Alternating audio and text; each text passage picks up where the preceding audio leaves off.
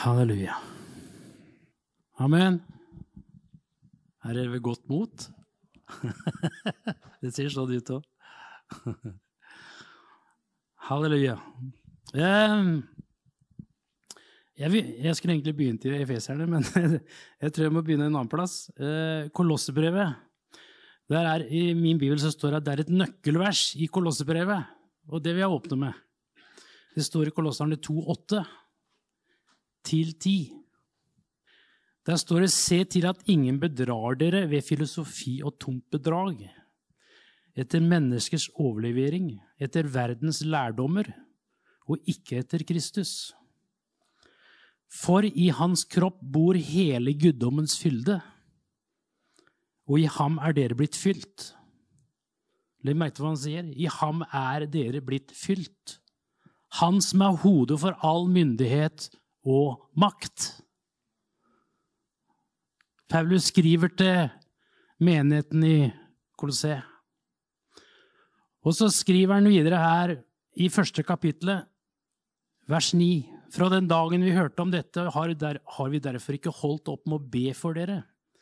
Vi ber om at dere må bli fylt med kunnskap om Hans vilje i all visdom og åndelig forstand.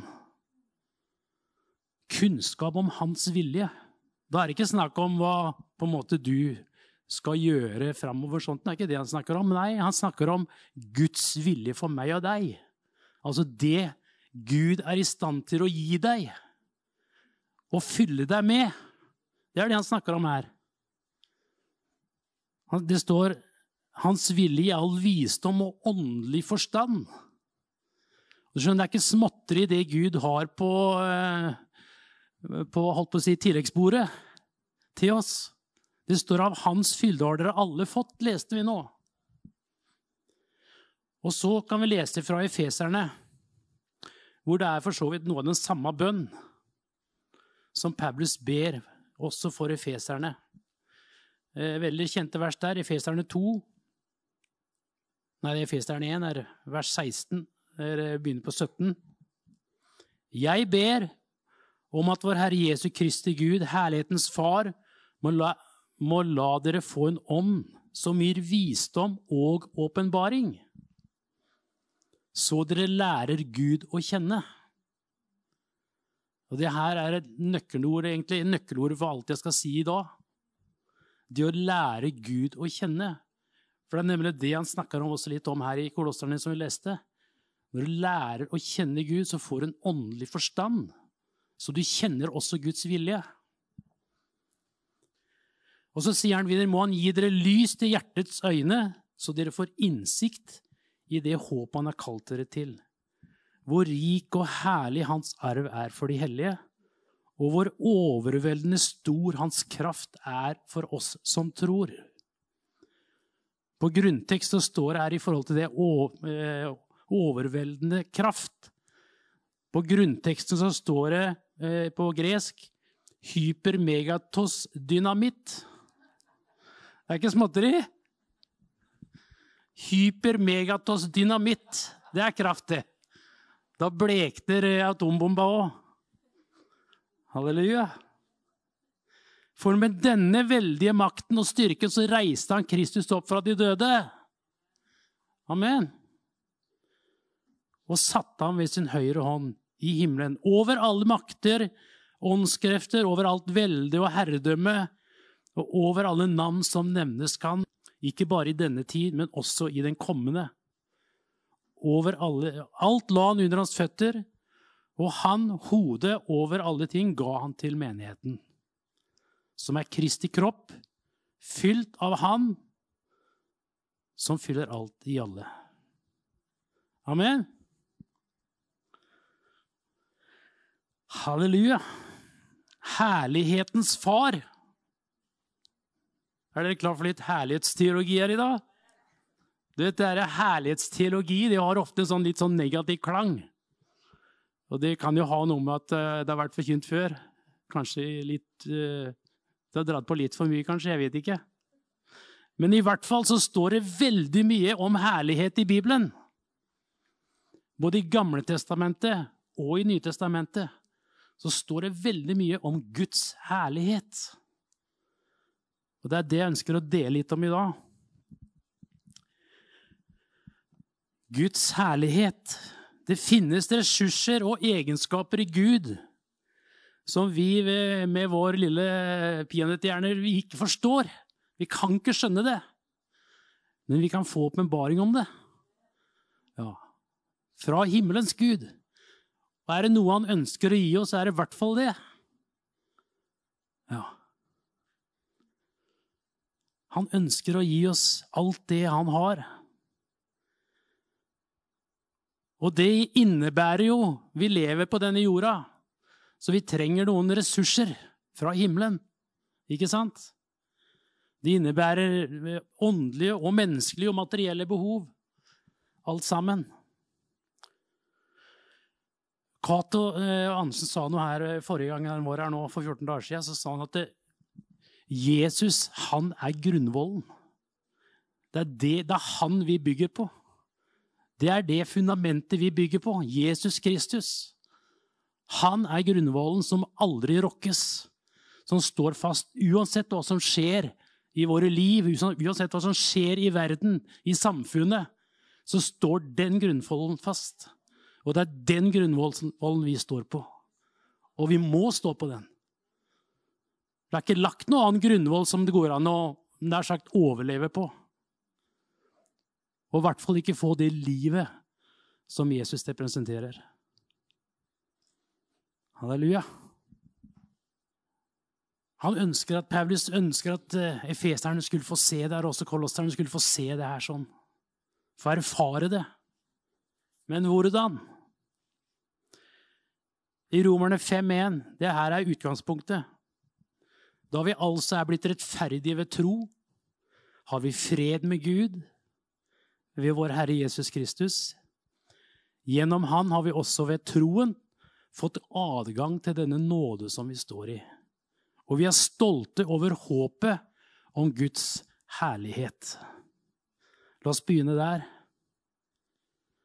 Jeg må jo Personlig må jeg bare si jo lenger jeg lever med Gud, jo større blir Hans nåde og overbærenhet og godhet. Han blir bare, blir bare, større og større. At det går an, liksom. Ja. Og det, det er sånn det begynner. For det er av nåde, alt sammen. Ingenting annet. Alt er gratis. Det er av nåde ufortjent. Gjennom Han så har vi fått adgang til den nåden. Hva er Guds herlighet, egentlig? Jeg, jeg slo opp i noe ja, Det var vel den der eh, ressursbibelen. Og det, det sto veldig bra, syns jeg. Guds herlighet er på en måte fylden av alle egens, Guds egenskaper. Slik som allmakten, barmhjertigheten, kjærligheten, kraften, visdommen. Alt sammen.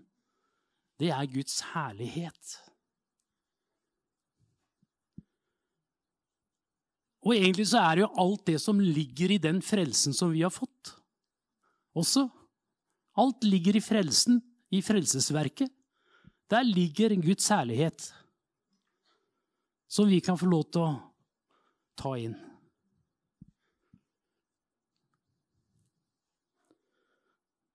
Det er liksom ikke en egen avdeling for herligheten og for frelsen. Nei, det ligger i samme pakka.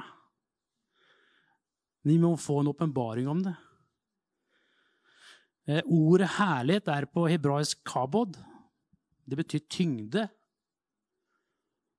Og i overført betydning ære, lys, lysglans, anseelse. Vi husker Moses da han var på det hellige fjellet, og så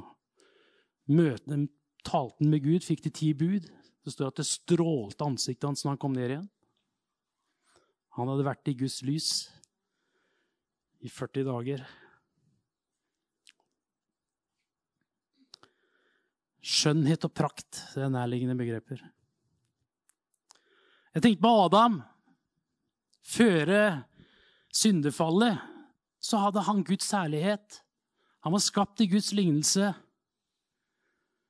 Etter eh, Guds lignelse. Han fikk bl.a. oppdrag, et oppdrag som jeg syns er ganske heftig. Han hadde, fikk eh, oppdrag å sette navn på alle dyra som Gud skapte. Jeg tror ikke at han hadde, var det at han hadde en sånn over sånn fantastisk fantasi. Nei, det var noe annet. Han hadde Guds herlighet. Tenk å sette navn på alle de dyra. Det er litt av et oppdrag. Men han hadde noe der.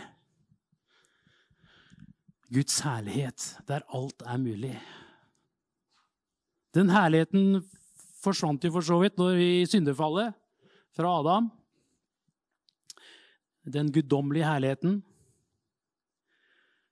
Men eh, hva med Jesus da han gikk her nede? Det står i Filipperne at han var i Guds skikkelse og så det ikke som et råd å være Gud lik, men ga avkall på sitt eget. Tok på seg en tjenerskikkelse og ble menneskelik. Han hadde gitt avkall på det på en måte å være Gud, da. selv om han var 100% Gud og 100% menneske når han, kom, når han gikk her nede. Men han hadde ikke den herligheten som han hadde når han var i himmelen.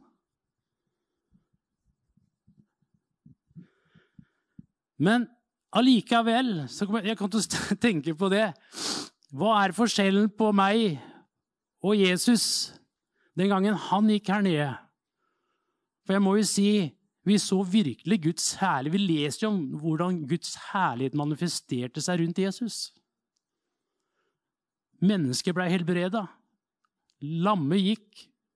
Blinde så. Døde ble reist opp. Vi ser ikke så mye av det her hos oss, i hvert fall, i Norge.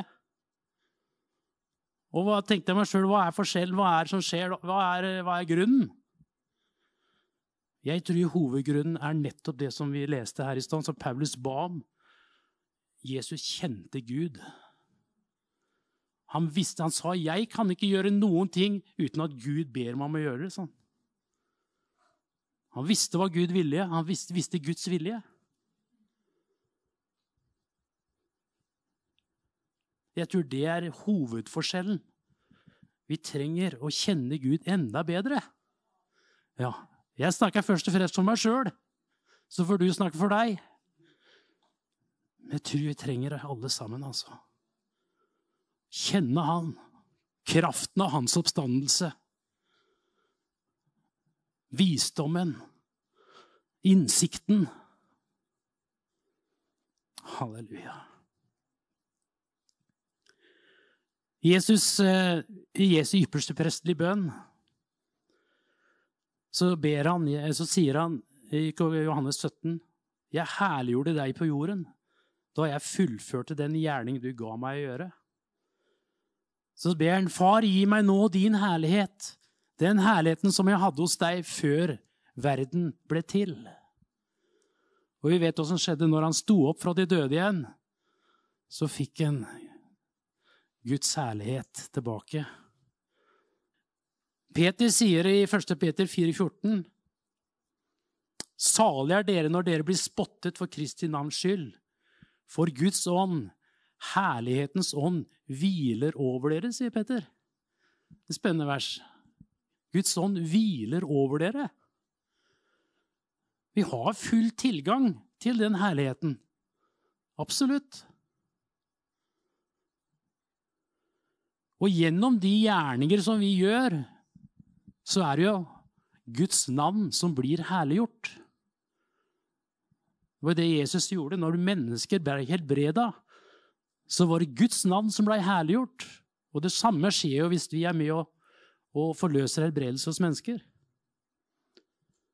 Så blir Guds navn herliggjort, for det er ikke noe vi gjør i oss sjøl.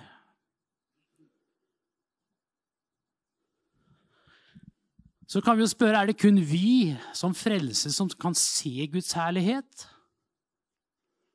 Han sier litt om det i Romerbrevet kapittel 1, som dere sikkert har lest mange ganger, dere òg.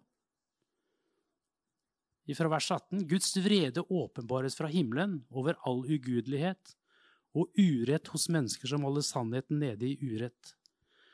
For det en kan vite om Gud, det ligger åpent foran dem, sier han. Gud har selv lagt det åpent fram, hans usynlige vesen. Både hans evige kraft, hans guddommelighet, har de fra verdens skapelse av kunnet se og erkjenne av hans gjerninger. Derfor har de ingen unnskyldning. De kjente Gud, men likevel lovpriste og takket de ham ikke som Gud. Med sine tanker endte de i tomhet, og deres uforstandige hjerte blei formørket. Guds særlighet kan vi se bl.a. på skaperverket. Og det er vel ingen som vet så mye om skaperverket som det vi gjør i dag, i forhold til dimensjoner og alt på planeter og lengder og you name it. Hvor vi virkelig kan se Guds herlighet. Og det kan hvert menneske her på denne jorda se, hvis de er villige til å innrømme det. på en måte. da. Derfor har mennesker ingen unnskyldning. De som sier at ikke det fins en gud, jeg tror faktisk ikke de er enig med seg sjøl noen ganger engang. Akkurat om det der. For det er så vanvittig stort, det skaperverket vårt. Og vi kan bare se på meg og deg som mennesker. Det er litt av et skaperverk, det også. Det må nødt til å ha vært en gud. Men essensen i det vi leste om i Festeren 1, om herligheten, er det ikke lenger bare noe vi skal betrakte. Det er jo bare, det én side av det. Vi betrakter Hans herlighet med denne veldige kraften. Denne herligheten er boende i meg og deg gjennom Den hellige ånd. Det er der det ligger. Vi skal erfare det. Jeg har lyst til å lese fra Romerne 8. Eh, det blir mange bibelvers, men det må vi ha. Det må vi ha. Vers 8 fra 28. 8, 28. Vi vet at alt tjener til gode for den som elsker Gud. Dem har han kalt etter sin frie vilje. Den som han på forhånd har vedkjent seg, har han også på forhånd bestemt til å bli formet etter sin sønns bilde så han skal være den førstefødte blant mange søsken. Og den som han på forhånd har bestemt til dette, har han også kalt. Og den som han har kalt, har han også kjent rettferdige. Og den som han har kjent rettferdige, har han også herliggjort. Amen. Hva skal vi så si til dette? Er Gud for oss, hvem kan da være imot oss? Han som ikke sparte sitt egen sønn, men gav ham for oss alle. Hvorledes skulle han annet enn å kunne gi oss alle ting sammen med ham? Her ser vi Guds hjerte for deg og meg. Han kan ikke annet enn å gi oss alt. Bare å ta imot. Og det er der vi sliter litt med å ta imot.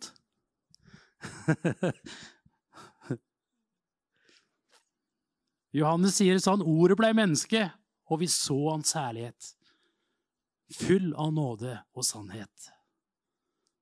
Den har vi møtt alle sammen. Den nåden og sannheten.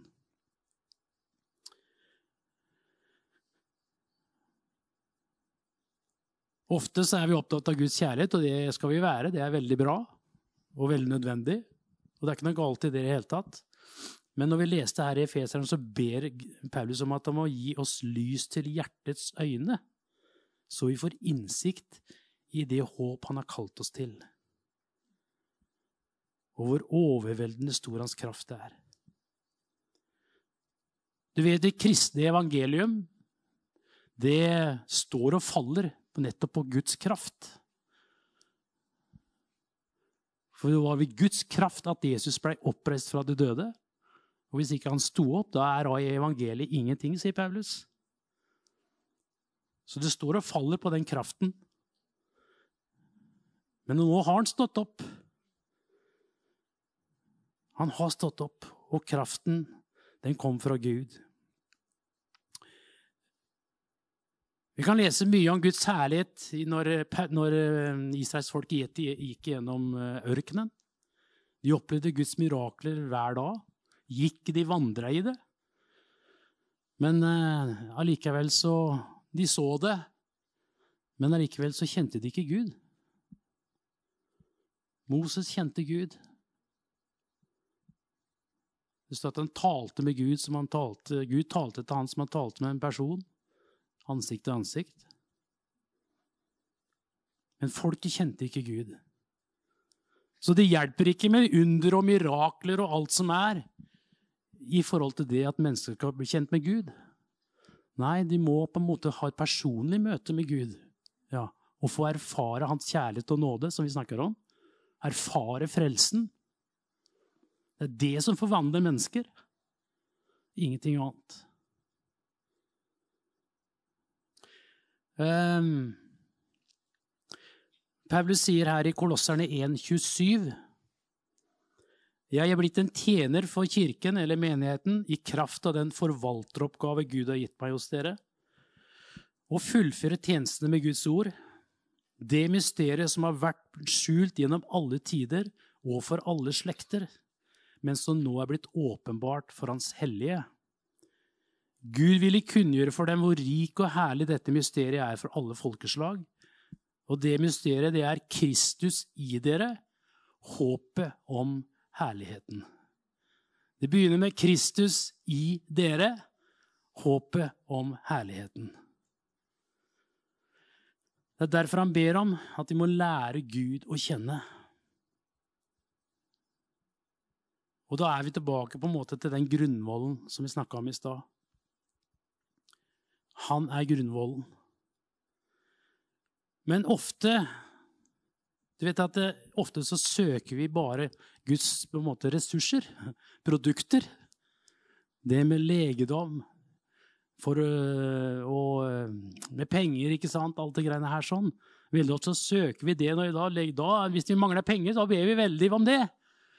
Men du skjønner, det er det å ha det tette fellesskapet med Gud. Det er der det begynner. Ja, og da kommer det andre av seg sjøl. Altså, du bør ikke fortelle Gud åssen du har det. Han vet det veldig godt. Han kjenner deg mye bedre enn du kjenner deg sjøl. Ja. Men når du lever med Gud og bare takker Han, ja, da, da, da er du med Gud. Da er du der. Ikke sant? Grete holdt på å lese en bok nå, Andrew Womack, som jeg, jeg, jeg har fått noe litt sånn, uh, impulser av, jeg òg. Og det handler nettopp om det der. Og det, det er klart at vi kan, vi kan, be mange timer, og sånn, det er ikke noe gærent i det. Men det er ikke der det ligger. liksom. Det er det å på en måte ha den vanlige eh, kommunikasjonen med Gud. Det kan du ha hele dagen. Nær sagt hva du gjør, enten du gjør det ene eller det andre, så kan du ha en Du lever med Gud. Ja. Og så kan vi ta noen sånne ordentlige bønner, sånn som vi hadde hos eh, eh Gro Marlen her eh, i uka. Kjempebra. Når Gud minner om det. Ikke sant? Da, også, da gjør vi det. De gjør det han sier. Herlighetsteologien, lære om Guds herlighet, det er først og fremst relasjon med Gud. Det er der det begynner. Å kjenne ham og kraften av hans oppstandelse. For du skjønner, Hvorfor du, jeg på en måte nevner det så mange ganger, det er fordi at hvis ikke, hvis når vi møter problemer da, og utfordringer som kan være veldig tøffe, det, det skal vi ikke legge under en stol. Vi kan møte ting som er skikkelig tøffe i denne verden, og som er vanskelig å løse.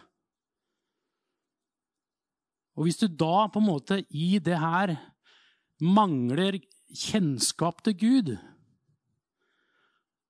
er, veldig, da er det veldig fort å falle fra Gud. Det er det mange som har opplevd, og det har jeg sett mange eksempler på. Mennesker som møter tøffe ting, og så går det til noe, og så ramler de helt ut. Da på en måte er det nesten som du har Gud som en sånn arbeidsgiver som bare gir deg de ressursene du liksom trenger når du, når du trenger det. Og hvis ikke han svarer nei, da vil har ikke med å gjøre. Og det er ikke sånn det funker. Det er ikke som når du går på Kiwi og handler, og så er du ikke fornøyd med produktene. Ja, da går jeg bare til neste butikk og handler, liksom. Det er ikke sånn det funker. Gud ønsker virkelig å ha tak i mitt og ditt hjerte. Ha en hjerterelasjon. En hjerterelasjon. Og når vi er der, så da vil vi ikke slippe taket uansett hva som skjer. For da vet vi at vi vet at vi vet. Da vet vi at Gud, han er med oss gjennom de tøffe tingene.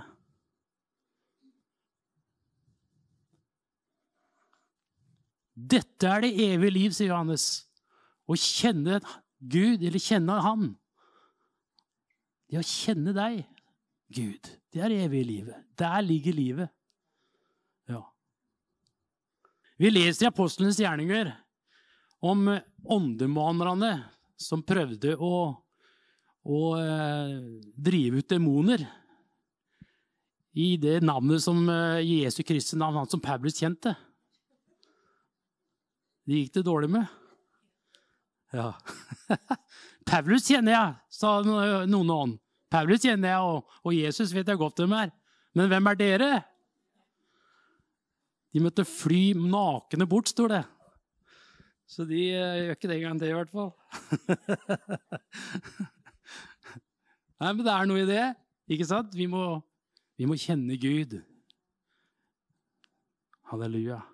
Og være kjent av Gud, ikke minst, i den åndelige verden. Ja. Da kan vi eh, gjøre litt av hvert sammen med Herren.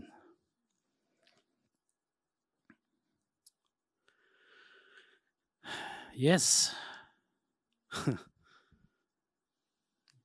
Jeg skriver der at Guds, Det er viktig å forstå at hvis Guds kraft og hans bønnesvar kun er en bruksgjenstand, ja, da er det nesten sånn Gud på en måte har ja, som jeg sa i sted, vært ansatt hos meg i og så bruke i vanskelige situasjoner. Så sier han Esaias 55, noen herlige vers. 55, 8 og 9 sier det slik. For mine tanker er ikke deres tanker, og deres veier er ikke mine veier, sier Herren. For som himmelen er høyt over jorden, slik er mine veier høyt over deres veier, og mine tanker høyt over deres tanker. Du skjønner, Når vi lever med Gud, så kan vi også få greie på disse tankene der òg, og de veiene som han har for oss. Det er det som er så fantastisk. Han sa en, ved anledning 'Jeg skjuler ikke noen ting', sier han, 'for mine profeter', sier han. Jeg tror ikke han skjuler noe for noe menneske som søker han med iver, og som ønsker å gå hans vei. Han gir det ville vekk til hver enkelt.